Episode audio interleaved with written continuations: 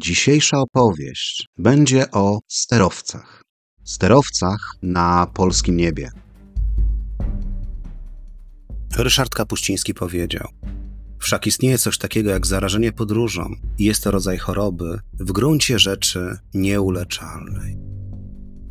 Będzie to podcast o podróżach do miejsc niedalekich, o bogatej historii Polski i regionu, o miejscach osiągalnych dla każdego i o moich przemyśleniach w historycznych miejscach. Zapraszam, Marcin.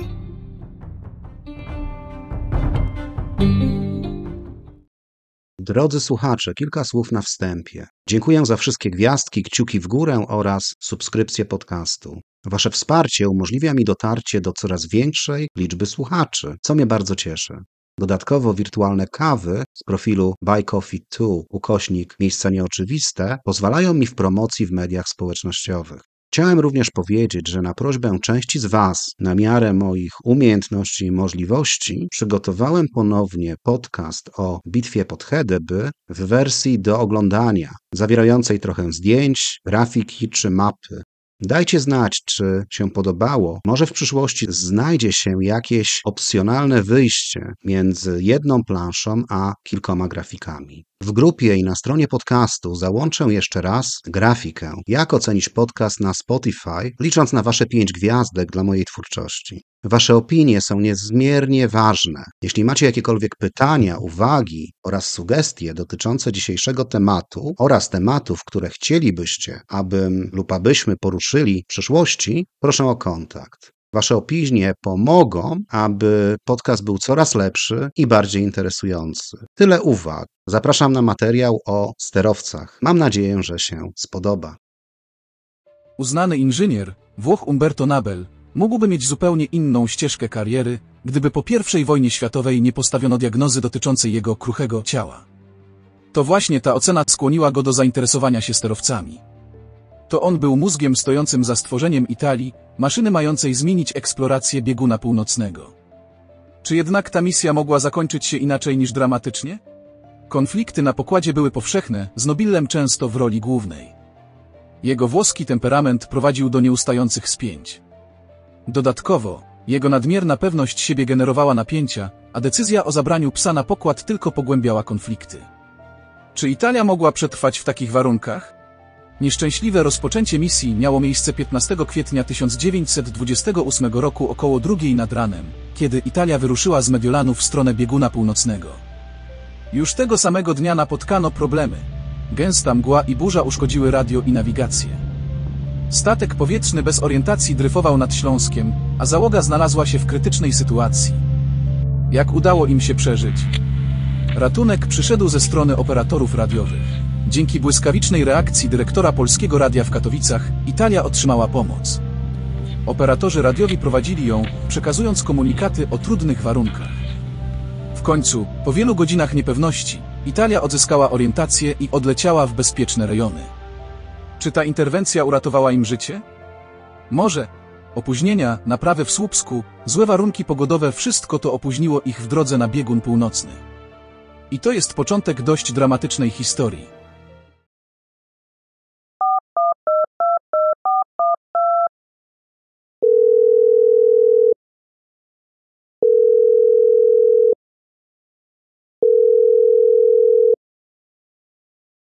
Witam słuchaczy. To krótkie intro zapowiada dzisiejszy podcast, a chcemy opowiedzieć o sterowcach, czyli dość specyficznych jednostkach powietrznych z bardzo ciekawą historią. Wita Was Marcin Marucha, jest ze mną Arek Czapla, absolwent Wydziału MEL Politechniki Warszawskiej. MEL ma w swojej nazwie lotnictwo, stąd zapewne Twoje zamiłowanie do sterowców. Witam Cię, Arek, cześć. Cześć Marcin, y, witam wszystkich. MEL się dokładnie rozszyfrowuje jako Wydział Mechaniczny Energetyki i Lotnictwa ja akurat kończyłem tam energetykę, ale rzeczywiście lotnictwo mnie kiedyś na ten wydział ściągnęło. Arek, jak możemy zdefiniować sterowiec? Czy jest lub był to po prostu balon z silnikiem? Mówiąc w bardzo dużym uproszczeniu, tak, to jest balon z napędem. No bo od balonów w zasadzie pochodzi. Generalnie sterowce to aerostaty, czyli statki powietrzne lżejsze od powietrza, mające swój własny napęd. Mamy trzy główne konstrukcje. Sterowce szkieletowe, czyli posiadające wewnętrzny szkielet usztywniający powłokę. Taką konstrukcję miały słynne cepeliny. Półszkieletowe, gdzie kratownica usztywnia dolną część powłoki. I sterowce ciśnieniowe, gdzie powłoka jest po prostu napompowana tak jak balon. Szczyt rozwoju sterowców to jest e, okres I wojny światowej i lata międzywojenne, głównie dzięki konstrukcjom Ferdynanda Cepelina, który to opracował pierwsze sterowce szkieletowe. Głównymi promotorami i użytkownikami sterowców byli Niemcy, no ale też inne kraje budowały swoje konstrukcje, między innymi Francja, Wielka Brytania, Włochy, a w okresie międzywojennym mocno zaangażowała się w to amerykańska firma Goodyear. Sterowce budowane są do dzisiaj, ale to już y, dzisiaj jest taka, powiedziałbym, niszowa konstrukcja lotnicza. I to właśnie niemieckie cepeliny, Schütte i Percevale były najczęstszymi bywalcami nieba nad y, dzisiejszą Polską. Perceval to był konkurent Cepelina, ale o konstrukcji ciśnieniowej. Natomiast sterowce Schüttelands y, miały konstrukcję zbliżoną do Cepelina, ale były oparte o szkielet drewniany, a Cepelin wykorzystywał szkielet z turaluminium. Skoro już mówimy o sterowcach nad polskim niebem, zapewne należy wspomnieć, że sterowce Szyte są rodowodem z Gdańska, bo profesor Politechniki Gdańskiej Wydziału Okrętowego Johann Szyte oraz inżynier Karl Hiber stworzyli przełomowy projekt sterowca, wykorzystując właśnie konstrukcję z drewna osikowego oraz wiele innych nowatorskich rozwiązań. Ich koncepcja dała początek serii sterowców SL, które ponoć wyprzedały swoje czasy. W 1909 roku została założona firma Luftschiffbau Schittelands z zamiarem produkcji sterowców opartych na projekcie Szytego i Hubera. Pierwszy sterowiec serii SL, oznaczony jako SL1, zbił się w powietrze w 1911 roku, prezentując swoje wyjątkowe na ten czas osiągi. W 1913 roku SL1 odbył imponujący lot do Gdańska, przyciągając ogromne zainteresowanie. Niestety niedługo potem uległ katastrofie niedaleko Piły. Wybuch I wojny światowej zwrócił uwagę wojska na sterowce Szytego. W 1914 roku pojawiła się ulepszona wersja modelu o nazwie SL2, a podczas wojny wyprodukowano aż łącznie 22 sterowce SL, które służyły dokładnie celom militarnym. Po zakończeniu I wojny światowej nastał koniec ery sterowców. Profesor Schitte nie odniósł sukcesu w poszukiwaniu inwestorów dla swoich innowacyjnych projektów, a szukał ich w USA czy innych krajach. W 1924 roku firma Szyte Lanz zakończyła Profesor Szyte kontynuował badania naukowe na Politechnice Berlińskiej, gdzie rozważał m.in. zastosowanie energii wiatrowej. Zapewne wielu spośród naszych słuchaczy nie zdaje sobie sprawy z faktu, że Polska w okresie okupacji przez zaborców dysponowała imponującą liczbą baz dla sterowców. Owa wspomniana we wprowadzeniu do podcastu baza, znana jako Słupsk, lecz zlokalizowana właściwie w Jezierzycach niedaleko Słupska, nie była jednak jedyną. E, tak, niemiecka marynarka wojenna i armia zbudowały kilka baz dla swoich sterowców. Bez wątpienia największą była wspomniana baza w Jezeritz Zedin bei Stolp, czyli dzisiejszych Jezierzycach koło Słupska, Zbudowano ją w 1915 roku. To była duża baza sterowców cesarskiej marynarki. Oprócz dwóch hangarów, jedno i dwustanowiskowego, znajdowała się również tam wytwórnia wodoru dla tej i pozostałych baz na terenie dzisiejszych wschodnich Niemiec, czy dzisiejszej e, zachodniej Polski, bunkry amunicyjne i koszary. Do dzisiaj w Jezierzycach możemy znaleźć jej pozostałości, jak dawne budynki warsztatowe z wieżą ciśnień, koszary, pozostałości bunkra amunicyjnego czy słupy ogrodzeniowe. No niestety hale nie dotrwały do naszych czasów. Podwójną halę Zelindę wyburzono po I wojnie światowej, natomiast pojedyncza hala Zelim stała do 1989 roku. Pełniła ta funkcję magazynu. Niestety spłonęła 6 marca 1989 roku, w akcji gaszenia zginęło dwóch strażaków ze Słupska, natomiast miejsce prześladowało jakieś ogniste fatum, ponieważ 27 maja 2004 doszło w tym samym miejscu do pożaru zbiorników z gazem, które zainstalowano w tym miejscu po spłonięciu tej hali. Jako członek alianckiej komisji, która w 1920 roku dokonała inspekcji bazy Zedine i podjęła decyzję o zachowaniu mniejszej hali, uczestniczył w tej komisji włoski oficer i inżynier lotniczy Umberto Nobile, wspomniany w naszym intro. Wówczas prawdopodobnie nawet nie przypuszczał, jak korzystna będzie ta decyzja w przyszłości. Temat ten jeszcze omówimy. Natomiast w miejscu, gdzie ta duża hala się znajdowała, ta podwójna, wyburzona, znajduje się dzisiaj elewator zbożowy. Halę sterowców zbudowano również w Poznaniu, na terenie dzisiejszej dzielnicy Winogrady. Hangar znajdował się w osi dzisiejszej Alei Solidarności. Został zniszczony w trakcie walk o Poznań w 1945 roku. Do dzisiaj możemy zobaczyć resztki fundamentów hangarów. O czym powiemy chyba za chwilę też, tak? Tak, do tego jeszcze wrócimy. Identyczna hala jak ta poznańska znajdowała się w Legnicy. W Toruniu hala starowcowa znajdowała się w dzielnicy Bielany. Właśnie stąd jest tam dzisiaj ulica Balonowa, która pierwotnie nazywała się Ceppelinstrasse. Kolejne hale były również w Pile, Grudziądzu i Olsztynie. W czasie wojny Niemcy zbudowali też halę na warszawskim Polu Mokotowskim, którą w 1917 roku przenieśli do litewskiej Szawli oraz w Legionowie. Hale sterowcowe w Toruniu, Legionowie i Poznaniu były w okresie międzywojennym wykorzystywane przez polskie wojsko. Ale Marcin, ty znalazłeś również bazę rosyjskich starowców na Podlasiu. Tak, nie tylko Niemcy chcieli używać sterowców podczas I wojny światowej, więc na przełomie lat 1914-1915 w lesie Pietrasze w obszarze Puszczy Knyszyńskiej powstało lądowisko przeznaczone dla sterowców. W tej kwestii istnieje niewiele informacji, jednakże wiadomo, że podczas I wojny światowej trzy maszyny Perceval, Astra i Albatros miały bazować koło Białego Stoku. Wymiary tych sterowców były imponujące, sięgając nawet 80 metrów długości i 14 metrów szerokości. Służyły one do przenoszenia i zrzucania bomb, między innymi na dworzec kolejowy w Ełku, znajdującego się na terenie Prus. Sterowce te też bombardowały strategiczne drogi w okolicach twierdzy Ostrowiec, co uniemożliwiało Niemcom przeprowadzenie szturmu. Obecnie na miejscu dawnej bazy pozostały jedynie ruiny, których odnalezienie nie jest łatwe, jednakże pewne ślady można zidentyfikować. Nadmienić należy, że sterowce miały odegrać kluczową rolę w działaniach wojennych I wojny światowej. Rosja, możemy wierzyć lub nie, zajmowała drugie miejsce pod względem liczby posiadanych maszyn przed wybuchem wojny. Z 15 posiadanych sterowców utworzono 5 kompanii, które zostały wykorzystywane w trakcie konfliktu. Na przykład w 1915 roku rosyjskie sterowce bombardowały także twierdze w austro-węgierskim przemyślu.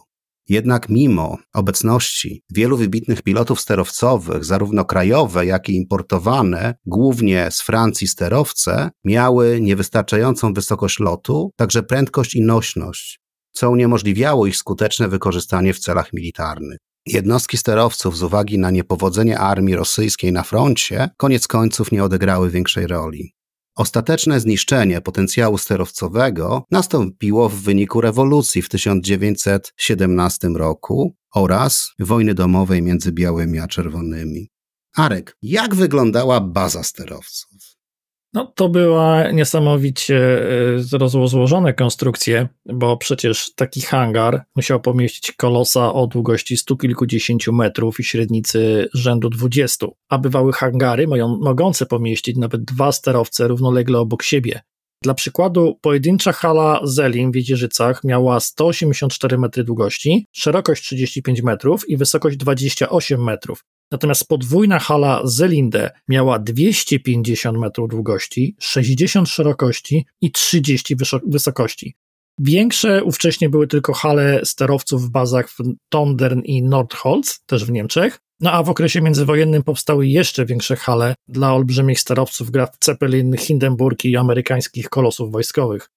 Dodatkową komplikacją była duża podatność sterowca na boczne podmuchy wiatru, więc e, aby ułatwić wprowadzanie i wyprowadzanie sterowca z hangaru, co było bardzo trudną i ryzykowną operacją, miały one bardzo często ogromne bramy z obu stron. No i bywały nawet hangary obrotowe, które ustawiały się do kierunku wiatru. No więc wyobraź sobie, że mamy cały hangar mający 200 metrów długości, który mógł się obracać na torach o 360 stopni. Marcin, wyobrażasz sobie coś takiego? To jest 100 lat temu. Do tego dochodzi jeszcze wytwórnia i zbiorniki wodoru, bunkry amunicyjne, warsztaty, koszary. Niemcy zawsze mieli rozmach. Tak, mieli, no ale tutaj też wymagała tego mm, po prostu technologia. No, w Jeziżycach był niskoprężny zbiornik wodoru o pojemności 20 tysięcy metrów sześciennych, tak zwany gazometer. Do tego dochodziło 25 zbiorników wysokociśnieniowych o pojemności kolejnych 25 tysięcy metrów sześciennych, jeszcze cysterny kolejowe, którymi też tam transportowano to. Wszystko było połączone siecią podziemnych rurociągów o średnicach nawet 400 do 600 mm. No i jeszcze były podziemne zbiorniki paliwa lotniczego do silników o pojemności 40 tysięcy litrów. Więc biorąc pod uwagę wybuchowość wodoru i ówczesny poziom techniki, to jednak dziw bierze, że to wszystko nie wyleciało w powietrze. Marcin, ale wodór nie jest paliwem powszechnie dostępnym, nawet dzisiaj jest y, problematyczny. Opowiedz słuchaczom, jak wytwarzano wtedy wodór do napędzania sterowców? Zadałeś mi niezłe zadanie, kiedy przygotowywaliśmy się do tego podcastu. Wygląda na to, że w erze sterowców popularną metodą przemysłowej produkcji wodoru w dużych ilościach albo w gigantycznych ilościach był tak zwany proces wodny, który wykorzystywał podobną technikę do tej, którą stosował Eras Mierzmanowski w Stanach Zjednoczonych podczas gazyfikacji, redukując ilość wytworzonego tlenku węgla. Polecam słuchaczom podcast o polskim Noblu. W ramach tego procesu para wodna była przeprowadzana przez rozgrzane metaliczne żelazo przy wysokiej temperaturze, co prowadziło do jej redukcji do wodoru czyli z pary powstaje wodór, ale nie tylko wodór. Powstały tlenek żelaza podlegał następnie przekształceniu w aktywne żelazo za pomocą wodnego gazu, czyli mieszaniny tlenku węgla i wodoru, otrzymywanej przez przepuszczenie pary wodnej przez rozżarzony koks. Konieczne było oczyszczanie gazu, ponieważ powstający w procesie tlenek węgla miał większą gęstość niż powietrze, więc nie uniósłby sterowca. Chociaż koszty produkcji były relatywnie niskie, osiągnięcie ich wymagało wykwalifikowanych operatorów z branży chemicznej lub koksochemicznej, którzy prowadzili instalacje w sposób niemal ciągły. Wszystkie reakcje zachodziły w wysokich temperaturach, co wymagało potężnych urządzeń, takich jak kotłownia czy wytwornice gazu. Brak elastyczności, złożone i kosztowne stałe urządzenia oraz potrzeba wspomnianej, wykwalifikowanej obsługi sprawiały, że była to mało atrakcyjna opcja dla sił zbrojnych. Później jako alternatywa pojawił się HEL w sterowcach. Gaz bezpieczniejszy i łatwiejszy w obsłudze, choć niezwykle rzadko występujący i trudny w produkcji. Podsumowując, zadanie obejmowało generowanie, czyszczenie oraz przechowywanie wodoru, a także dostarczanie go do hangarów, zarówno do pierwszego napełnienia, jak i do uzupełnienia. Arek, czy możemy powiedzieć, że pierwsza wojna światowa to czas wzlotu, a jednocześnie upadku sterowców? Prawdziwy szczyt technologiczny rozwoju sterowców to są jednak lata 20., początek lat 30., natomiast na pewno pierwsza wojna światowa to szczyt ich produkcji i, no możemy powiedzieć, masowego użycia. Nie spełniły pokładanych w nich nadziei jako środek walki. Niemcy próbowali nalotami sterowców złamać Wielką Brytanię z mizernym skutkiem, jak wiemy. Wymagały one skomplikowanej infrastruktury, były bardzo kosztowne i materiałochłonne, były też bardzo wrażliwe na warunki atmosferyczne no i przede wszystkim były wypełnione łatwopalnym wodorem. No, pomysł jest przedni, jeżeli miały być używane w walce. Czytaj, lecisz latającą bombą, do której wszyscy strzelają. Co prawda, początkowo okazało się, że nie było łatwo zestrzelić takiego kolosa, dlatego że one były wewnętrznie podzielone na mm, dużo oddzielnych zbiorników gazów i przez przestrzeliny, tych, przez te, zbior, te przestrzeliny wodór uchodził bardzo, bardzo powoli. Nie było też łatwo tego wodoru zatopalić, no bo potrzebna była pewna proporcja mieszaniny wodoru z powietrzem. No jednak drogą prób i błędów y, Brytyjczycy opracowali odpowiednią kombinację amunicji, która zapalała cepelina, prowadzili ją do użycia w 1916 roku. To wyglądało tak, że co kilka normalnych pocisków lub pocisków odłamkowych umieszczano kilka pocisków zapalających w taśmie. Te pociski normalne rozrywały poszycie, a kolejne zapalały latniający się wodór, no i mieliśmy taki bum i cepelin pięknie w płomieniach spadał w dół. One były w mojej ocenie chyba bardziej nawet niebezpieczne dla, dla załóg niż dla, dla wroga, bo często ulegały wypadkom. I przykładowo 18 listopada 1915 roku sterowiec cesarskiej marynarki wojennej SL-6 eksplodował po starcie z bazy w Jezierzycach koło Słupska. Zginęła cała 20-osobowa załoga. W mojej opinii sterowce były dla cesarskich Niemiec i ich armii tym samym, czym uboty były dla III Rzeszy w latach 43-45.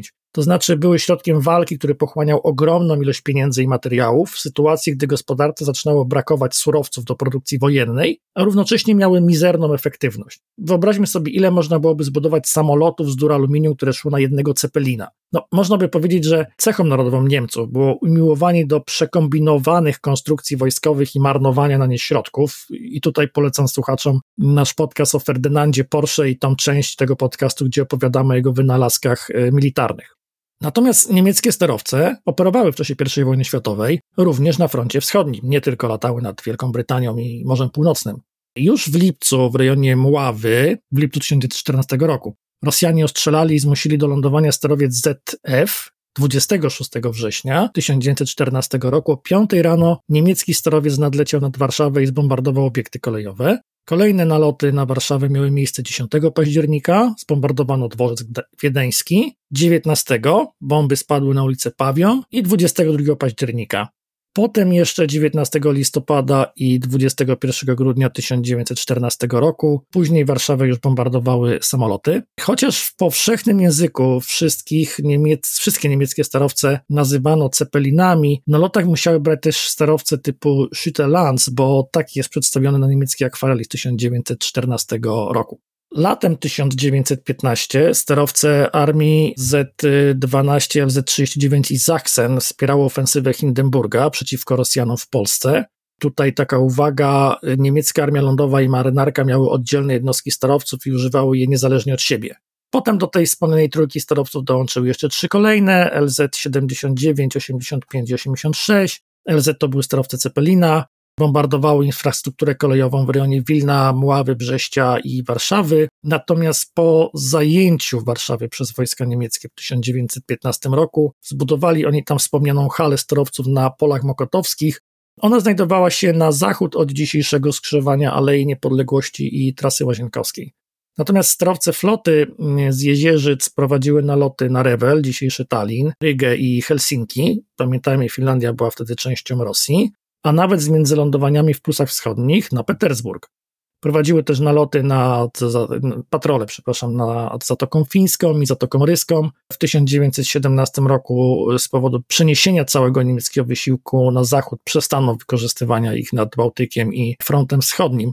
Natomiast Marcin, przychodzi nam koniec wojny, rok 1918 i 1919, Polska odzyskuje niepodległość, a powstańcy wielkopolscy zdobywają niemiecką bazę sterowców w Poznaniu, gdzie w ogromnym hangarze zdobyli nieprzebrane ilości sprzętu i wyposażenia lotniczego. W polskie ręce przeszły też hale w Toruniu Legionowie. Co my z tym zrobiliśmy? Chcieliśmy rozwijać i mieć sterowce w drugiej RP? Tak, Arek, rozwijaliśmy prehistoryczną technologię podobnie jak kawalerię. W drugiej RP posiadaliśmy jeden sterowiec i mieliśmy zbudować drugi, ale na zamiarach się skończyło, jak w przypadku wielu militarnych projektów II Rzeczypospolitej. W roku 1921 Polska zakupiła we Francji sterowiec o nazwie Zodiak V11, wcześniej używany przez francuską marynarkę wojenną do patrolowania wybrzeży. Po blisko roku montażu został on przemianowany na sterowiec Lech. Statek ten zachwycał swoimi rozmiarami. Miał 50 metrów długości i dużą średnicę wynoszącą 14 metrów. Napędzany był dwoma silnikami o mocy 80 koni mechanicznych każdy, co odpowiadało mniej więcej mocy dwóch samochodów trochę większych od Poloneza i osiągał prędkość czasami 60, czasami 80 km na godzinę. Mimo, że wcześniej używany był we Francji jako nosiciel bomb, w Polsce pozbawiony był wyrzutni i bomb, i pełnił głównie funkcję szkoleniową, zostając przypisanym do oficerskiej szkoły aeronautycznej. Loty odbywały się przede wszystkim w okolicach Torunia, Poznania i Legionowa, czyli w okolicach Bas, o których mówiłeś. W ciągu pięciu lat służby na sterowcu Lech przeszkolono 19 pilotów oraz określoną liczbę mechaników. Eksploatację zaskończono w 1926 roku, a po przeprowadzonych ostatnich lotach został wycofany i zmagazynowany. Dopiero dwa lata później, po powołaniu specjalnej komisji, stwierdzono, że powłoka sterowca nie nadaje się do bezpiecznej eksploatacji, co spowodowało jego kasację. Materiał z powłoki został wykorzystywany do produkcji namiotów i fartuchów roboczych dla wojska. Natomiast gondole, silniki, śmigła, także narzędzia przekazano do centralnej składnicy balonowej w Legionowie, zaś przyrządy pokładowe wykorzystywano jako sprzęt dydaktyczny dla kompanii balonowych. Dziesięć lat po wycofaniu sterowca Lech w 1928 roku w Polsce grupa miłośników tego typu statków powietrznych nadal istniała i ostatecznie przekonała zarząd główny Ligi Obrony Powietrznej i Przeciwgazowej, taka była organizacja, do potrzeby stworzenia nowego rodzimego sterowca ciśnieniowego. Mówiłeś, że są trzy rodzaje sterowców. Pieniądze drugiej RP są jak rzeka Wisła, nigdy nie wysychają. Wytwórnia balonów i spadochronów w Legionowie, zwana WBS, otrzymała zadanie prac nad ustaleniem założeń projektowych oraz projektem wstępnym. Nowy zwiadowczy gadżet, bo tak go trzeba nazwać, otrzymał nazwę LOP. Brzmi dumnie, prawda? Ale to Liga Obrony Powietrznej i Przeciwgazowej, taki skrót planowano wykorzystać jednostkę do celów propagandowych, szkolenia pilotów oraz badania możliwości zastosowania komunikacji sterowcowej w Polsce.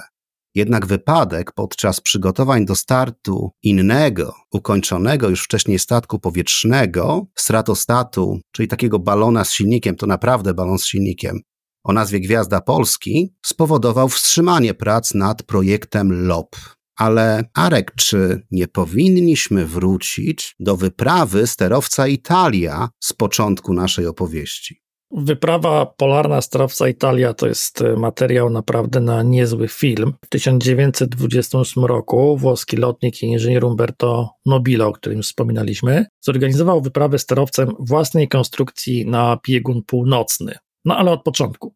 Włoski generał Umberto Nobile, lotnik oraz konstruktor lotniczy, który był pomysłodawcą tej wyprawy, jak już wspomniałem wcześniej, w 1920 roku pełnił funkcję członka Komisji Wojskowej Ententy, która dokonywała inspekcji niemieckich baz sterowców, włączając w to bazę w Zedin, Jeży, Jezierzycach, Natomiast nie była to jego pierwsza wyprawa, bo w 1926 roku w towarzystwie zdobywcy bieguna południowego Roalda Amundsena dokonał przelotu na sterowcu Norge ze Svalbardu do Teller na Alasce, przelatując nad biegunem północnym 12 maja. Stanowi to pierwsze w pełni udokumentowane i potwierdzone zdobycie bieguna północnego, więc można by powiedzieć, że Amundsen zdobył dwa bieguny. Mimo, że w 1908 roku wyprawa Cooka i Perego oficjalnie ogłosiła zdobycie bieguna północnego, to do dzisiaj istnieją kontrowersje dotyczące faktycznego osiągnięcia tego celu. No pamiętajmy, że nie było wtedy nawigacji satelitarnej. Tuż przed Norgę, 9 maja 1926 roku, nad biegunem mieli przelecieć dwaj amerykańscy lotnicy Byrd i Bennett, jednak tutaj też są wątpliwości z powodu m.in. krótkiego czasu ich lotu.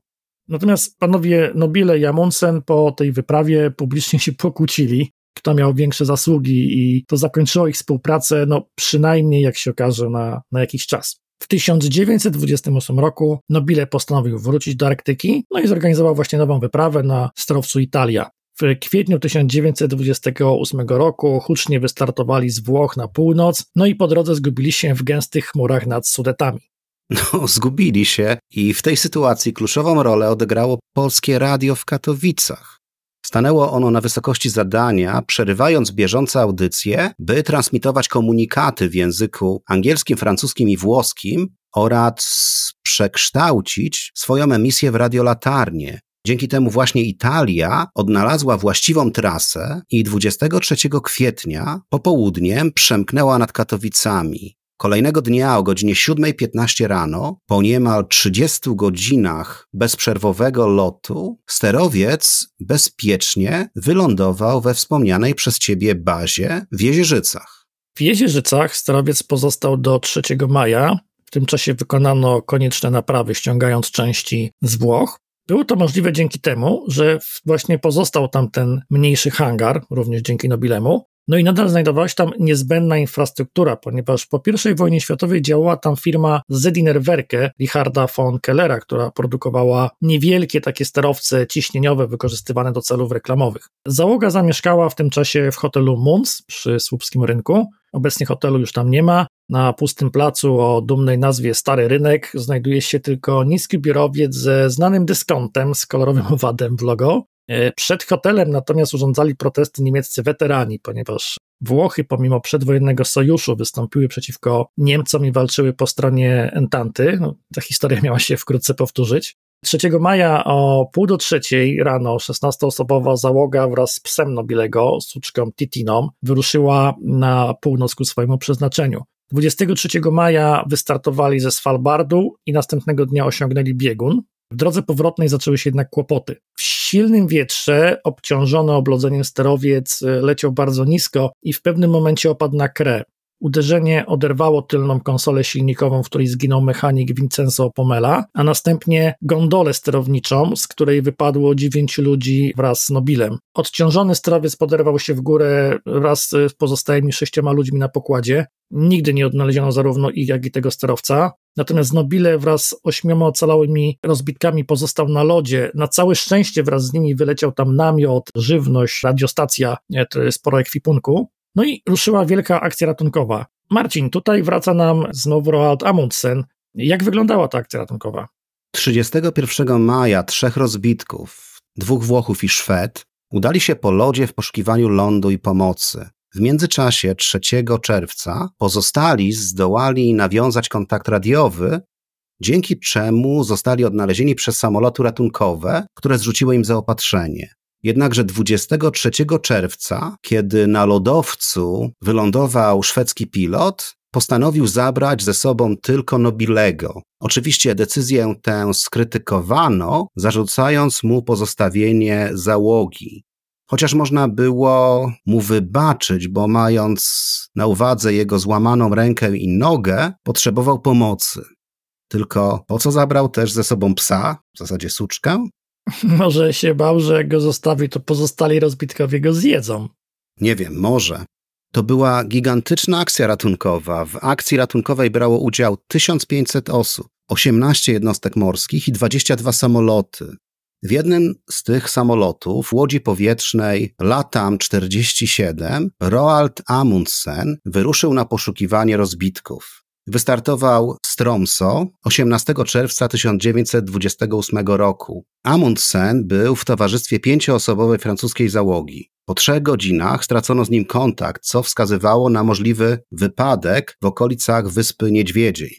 Warto popatrzeć na mapę. Nigdy nie odnaleziono ciała słynnego zdobywcy dwóch biegunów. Pilot, który zabrał Nobilego i psa, w zasadzie suczkę, powrócił następnego dnia, jednak jego samolot rozbił się podczas lądowania. Taka to była pechowa wyprawa, a on sam dołączył do grona rozbitków. Dopiero 17 lipca sowiecki lodołamacz Krasin dotarł na miejsce, kończąc tę straszliwą epopeję rozbitków. Zapomnieliśmy tutaj o trójce, która zaraz po katastrofie wyruszała, wyruszyła w poszukiwaniu lądu i pomocy. Krasin znalazł ich po drodze 12 lipca, ale tylko dwóch Włochów, Adalberto Mariano i Filippo Capiego. Mariano był skrajnie wyczerpany, natomiast Capi był w niezłym stanie. Twierdził on, że po drodze musieli zostawić rannego Szweda Fina Malmgrena, Zeznania Capiego były jednak nieskładne, był podejrzanie dobrze odżywiony i ubrany oraz miał przy sobie rzeczy osobiste Malmgrena. Mariano natomiast był tak wycieńczony, że nic nie opowiedział, jak również później nigdy nic nie opowiadał o tych wydarzeniach. No więc istnieje spore podejrzenie, że posunęli się oni do kanibalizmu, żeby przeżyć. Taka to smutna historia z kanibalizmem w tle. Następnie nastały złote lata 30. i epoka wielkich, transatlantyckich sterowców. Jednakże wszystko legło w gruzach w wyniku spektakularnej katastrofy Hindenburga. Przypomnijmy, że katastrofa Hindenburga wydarzyła się 6 maja 1937 roku w Lakehurst w stanie New Jersey i była spektakularną tragedią. Wielki niemiecki sterowiec płonął podczas lądowania. W wyniku pożaru zginęło 36 osób spośród 97 osób na pokładzie, co spowodowało szok i przerażenie na całym świecie. Ta tragiczna katastrofa prawdopodobnie przyczyniła się do upadku ery wielkich transatlantyckich cepelinów. Jedną z przyczyn tragedii był przecież ten nieszczęsny wodór. Ale Arek, czy gdyby Stany Zjednoczone sprzedały Niemcom Hel lub technologię jego otrzymywania, los Hindenburga mógłby potoczyć się inaczej, a era potężnych sterowców transatlantyckich trwałaby dłużej?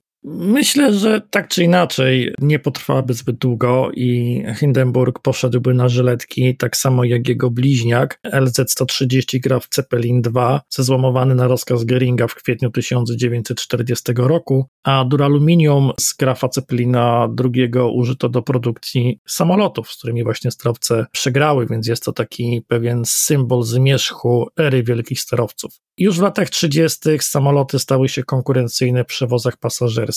Wielkie łodzie latające otwierały erę lotów transkontynentalnych. Sterowce były po prostu nieekonomiczne. Hindenburg przy swoich kolosalnych rozmiarach, on miał 245 metrów długości, to jest naprawdę kolos, no zabierał tylko 72 pasażerów, a w lot transatlantycki jeszcze mniej, bo tylko 50 przy, uważaj, 61-osobowej załodze. Owszem, no, ówczesne samoloty zabierały kilka czy kilkanaście osób, ale postęp był tak szybki, że tak naprawdę już w latach 40. prześcignęły zdecydowanie ilością zabieranych pasażerów y, sterowce. Sterowce, pamiętaj, też były bardzo delikatnymi stworzeniami, podatnymi na kaprysy atmosfery i przede wszystkim na wiatr i nawet e, kolosy amerykańskiej floty sterowcowej. Tam były e, sterowce o takich rozmiarach, że były powietrznymi lotniskowcami. Choć były napełnione helem, też były narażone na kaprysy pogody i też nie uniknęły katastrof. Może nie uległy wybuchom, ale, ale uległy rozbiciom. Więc e, myślę, że to jednak była ślepa uliczka w tym momencie już rozwoju. Jednakże ten kraj był świadkiem przelotu majestatycznych cepelinów uniesionych nad powierzchnią dzisiejszej Polski.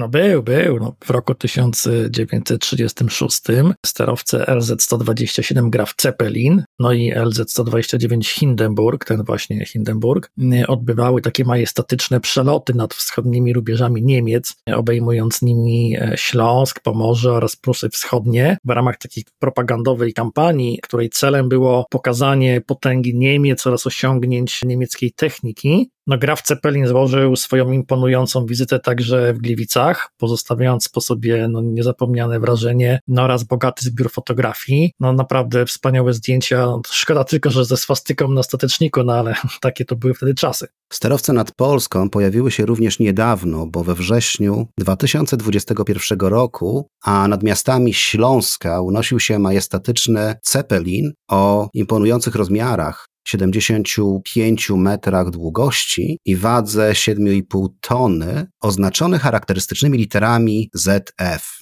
Przemierzał przez stworza, utrzymując stałą prędkość około 75 km na godzinę na niskiej wysokości i oscylował między kilkuset metrami a około trzema tysiącami metrów nad ziemią. Inicjatorem tych lotów był renowowany koncern ZF, ZF to skrót od Zahnradfabrik Friedrichshafen, czyli fabryka przekładni z Friedrichshafen, światowy potentat w dziedzinie nowoczesnych rozwiązań technologicznych dla motoryzacji. Firma ta wywodzi się ze słynnego miasta Friedrichshafen w Niemczech i od 1915 roku dostarczała właśnie przekładnie dla Ceppelinów i innych sterowców, gdyż Ferdynand Zeppelin nie mógł ich pozyskać w inny sposób jak produkując. Obecnie grupa ZF prowadzi swoje centra inżynieryjne i zakłady produkcyjne także w Polsce, co sprawia, że jest integralną częścią krajobrazu przemysłowego województwa śląskiego. Nie powiem Śląska, bo są nie tylko na Śląsku. Planowano przeprowadzenie sześciu takich lotów nad województwem śląskim, lecz nie wszystkie zrealizowano z przyczyn logistycznych czy pogodowych. Warto zaznaczyć, że produkcja tych unikatowych cepelinów odbywa się w mieście macierzystym firmy nad malowniczym jeziorem bodeńskim. Obecnie na świecie istnieje zaledwie sześć egzemplarzy cepelinów NT, z czego dwa znajdują się w pobliżu głównej siedziby grupy ZF nad jeziorem bodeńskim w Niemczech. Ale Arek dzisiaj również stosuje się lub jest taki zamiar, aby stosować profesjonalne sterowce w celach militarnych. Postęp technologiczny, e, jaki dokonał się w ostatnich latach, zwłaszcza w obszarze nowoczesnych materiałów, umożliwia konstruowanie znów coraz większych sterowców, które mają zdolność długotrwałego unoszenia się w powietrzu na bardzo dużych wysokościach, no to stwarza e, nowe możliwości zastosowań. Dobrym przykładem może to być projekt budowy sterowca stratosferycznego Stratobus, który wystartował w kwietniu 2016 roku za aprobatą rządu francuskiego i jest określany jako inwestycja w przyszłość. Na realizację tego projektu Stratobus przeznaczono kwotę aż 20 milionów euro. Zakłada się, że Stratobus będzie w stanie pozostawać na terytorium Francji przez okres do 8 miesięcy bez przerwy lub nawet przez 5 lat z coroczną przerwą techniczną nad obszarami tropikalnymi, co może przyczynić się do zastępowania satelitów. No niemniej jednak nie jestem pewien, jaki jest stan projektu, ponieważ miał być zakończony do 2021 roku, no ale nawet całkiem niedawno pojawiły się informacje medialne o tym, że polskie wojsko ma zakupić sterowce zdalnego dozoru powietrznego, czyli po prostu latające radary. Od Amerykanów też o tym czytałem. Arek, gdybyśmy chcieli dowiedzieć się czegoś o historii sterowców, co po nich pozostało w Europie? To należy przede wszystkim udać się do Zeppelin Museum we Friedrichshafen nad Jeziorem Bodeńskim. Jest to muzeum znajdujące się w dawnym dworcu, z którego odlatywały nad Jeziorem Bodeńskim pasażerskie Zeppeliny i posiada największy i najobszerniejszy na świecie zbiór poświęcony wszelkim aspektom podróży sterowcami, sterowcami od ich zarania do współczesności. Główną atrakcją przyciągającym odwiedzających jest częściowa rekonstrukcja sekcji pasażerskiej i fragmentu kadłuba Hindenburga o długości 33 metrów i to jest naprawdę niesamowita sprawa. Można zobaczyć no, miejsc, tak by odtworzenie tej, tej sekcji pasażerskiej tego, tego słynnego sterowca. Tego samego, który uległ wypadkowi w okolicy New Jersey. Dokładnie tak i zobaczymy tam również fragment, oryginalny fragment y, ocalały tego najsłynniejszego dziś sterowca właśnie Hindenburga, znanego z tej katastrofy. Choć ta muzealna kolekcja skupia się na sterowcach Cepelina, ale nie ogranicza się tylko do nich. Pokazuje ogólnie rozwój sterowców, również Perceval, Chutelans oraz nowoczesne osiągnięcia we Francji, Wielkiej Brytanii, Włoszech i Stanach Zjednoczonych. Zabiera naprawdę imponującą kolekcję elementów technicznych, fragmentów sterowców, konstrukcji nośnych, śmigieł, gondoli, silników, skrzyni biegów. No dodatkowo jest naprawdę bardzo bogata ekspozycja historyczna obejmująca dokumentację budowlaną, rysunki techniczne, prywatne kolekcje, plakaty, pocztówki, gazety, fotografie, również eksponaty związane z aerofilatelistyką i innymi ciekawostkami. No to jest do tego stopnia dopracowane, że nawet bilet wstępu jest repliką biletu na lot e, Hindenburgiem. Na obrzeżach e, miasta Friedrichshafen znajduje się lotnisko wraz z halą produkcyjną, gdzie powstają współczesne modele Ceppelinów NT i również stamtąd odbywają się loty widokowe tych dwóch nowoczesnych sterowców. Natomiast dla entuzjastów lotnictwa, po drugiej stronie tego pasa startowego tego lotniska, znajduje się kolejna niesamowita atrakcja Muzeum firmy Dornier. Jak ktoś się interesuje lotnictwem, to, to wie o czym w tej chwili mówię. Są również ślady po hali sterownicowej w Poznaniu. 1913 roku na ówczesnych brzegach Poznania oddano do użytku halę sterowców. Jej budowa trwała kilka miesięcy i miała ona służyć jako hangar dla jednego z cepelinów przydzielonych do poznańskiej twierdzy. 6 stycznia 1919 roku powstańcy wielkopolscy zdobyli halę cepelinów na poznańskich winogradach. Zdobyć z tego lotniska na ławicy oraz przejęty sprzęt stanowiły zalążek dla polskiego lotnictwa. Hala była zlokalizowana w otwartej przestrzeni na Winogradach, jak już wspomniałem, dzisiejszej sypialni Poznania. E, wybór miejsca nie był przypadkowy, gdyż hangar powstał z dala od zabudowań, lecz w pobliżu cytadeli, wewnątrz pierścienia 18 fortów otaczających twierdzę Poznań. Fundamenty pod halę oraz ogromne wrota wykonano z żelbetu. Z tego samego materiału również bloki na stalowe uchwyty, do których kotwiczono sterowce. Jedyną zachowaną dzisiaj pamiątką po tej dawnej hali są fragmenty fundamentów widoczne w pasie rozdzielającym dwie nitki Alei Solidarności. Marcin, ale ty znalazłeś jeszcze jeden obiekt na terenie dzisiejszej Polski. Tak, ten ogromny wojskowy obiekt znajdował się niedaleko wsi Dywity, na północnym brzegu rzeki Wadąg, blisko rzeki Łyny. W 1912 roku w Olsztynie utworzono 20 Korpus Armijny, co spowodowało wzmocnienie istniejącego garnizonu oraz przybycie wielu wyższych oficerów do miasta. To miejsce wyznaczono jako stacjonowanie pułku ciężkiej artylerii fortecznej oddziału lotniczego oraz jako bazę dla właśnie sterowców. Słynny sterowiec z Luneville był pierwszym, który 1 czerwca 1914 roku znalazł się w hali w Dywitach. Przebywał tu przez dwa miesiące przed wybuchem I wojny światowej i przyciągał tłumy ciekawskich. W chwili mobilizacji jednak odleciał do Królewca, gdzie przydzielono go do broniącej Prus wschodnich 8 Armii. Pod dowództwem kapitana von Quasta w sierpniu i wrześniu wykonywał liczne loty rozpoznawcze, między innymi w rejonie Tannenberga, czyli dzisiejszego Grunwaldu, jakby ktoś nie wiedział.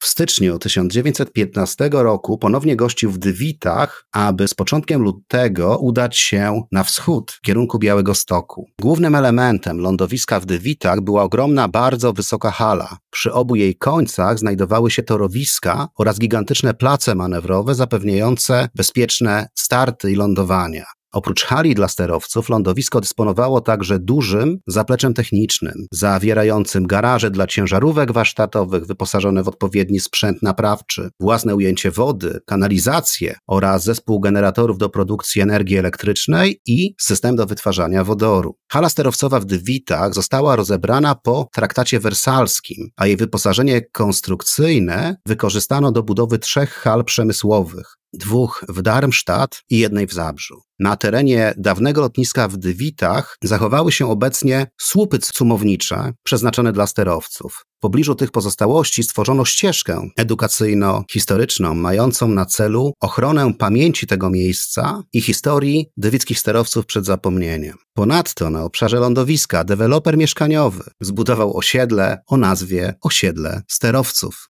No cóż, y, złote czasy wielkich sterowców przeminęły. Współczesne Benningi 747 czy Airbusy A380 są naprawdę maluchy przy Hindenburgu. No ja mam nadzieję, że opowiedzieliśmy dzisiaj słuchaczom ciekawą i mało znaną historię, która rozgrywała się no również na polskim niebie. Za każdym razem, jak kończymy podcast, pytam cię, Arek, albo podpuszczam, co moglibyśmy zrobić następnym razem. I teraz, ponieważ ty miałeś lotnictwo w nazwie swojej szkoły, ja mam morze w nazwie swojej szkoły, Arek, co powiedziałbyś o ubotach produkowanych w Szczecinie, jednym z moich ulubionych miast?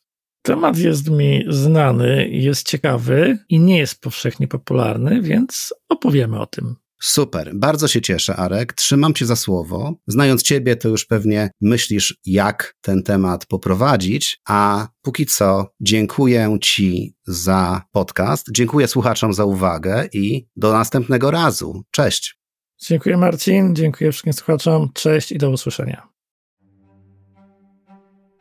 Sterowce stanowiły istotny element niemieckiej technologii, jednak ich użycie w działaniach wojennych nie zawsze przynosiło oczekiwane rezultaty. Niemniej jednak historia tych imponujących konstrukcji pełna jest zarówno osiągnięć technologicznych, jak i błędów, a ich era zakończyła się, no, dramatycznie, pozostawiając po sobie zarówno dziedzictwo imponującej infrastruktury i potencjału, jak i smutne lekcje płynące z tragedii oraz zmian w technologii.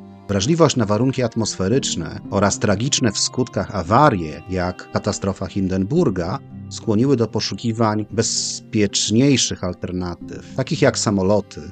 Jednakże historia ta jest również pełna inspirujących osiągnięć. Osiągnięć technologicznych oraz lekcji, które możemy wyciągnąć z błędów przeszłości, gdyż sterowce mogą dziś powrócić na polskie niebo.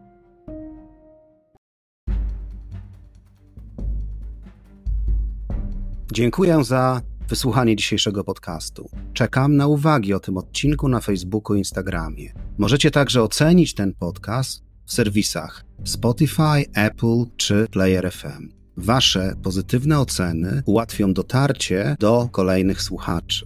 Możecie także postawić mi wirtualną kawę w serwisie Buy Coffee pod adresem podcast miejsca nieoczywiste. Środki przeznaczam na promocję podcastu w mediach społecznościowych. Jeżeli macie pomysł na odcinek, poproszę o mail na adres domwdawidach.gmail.com.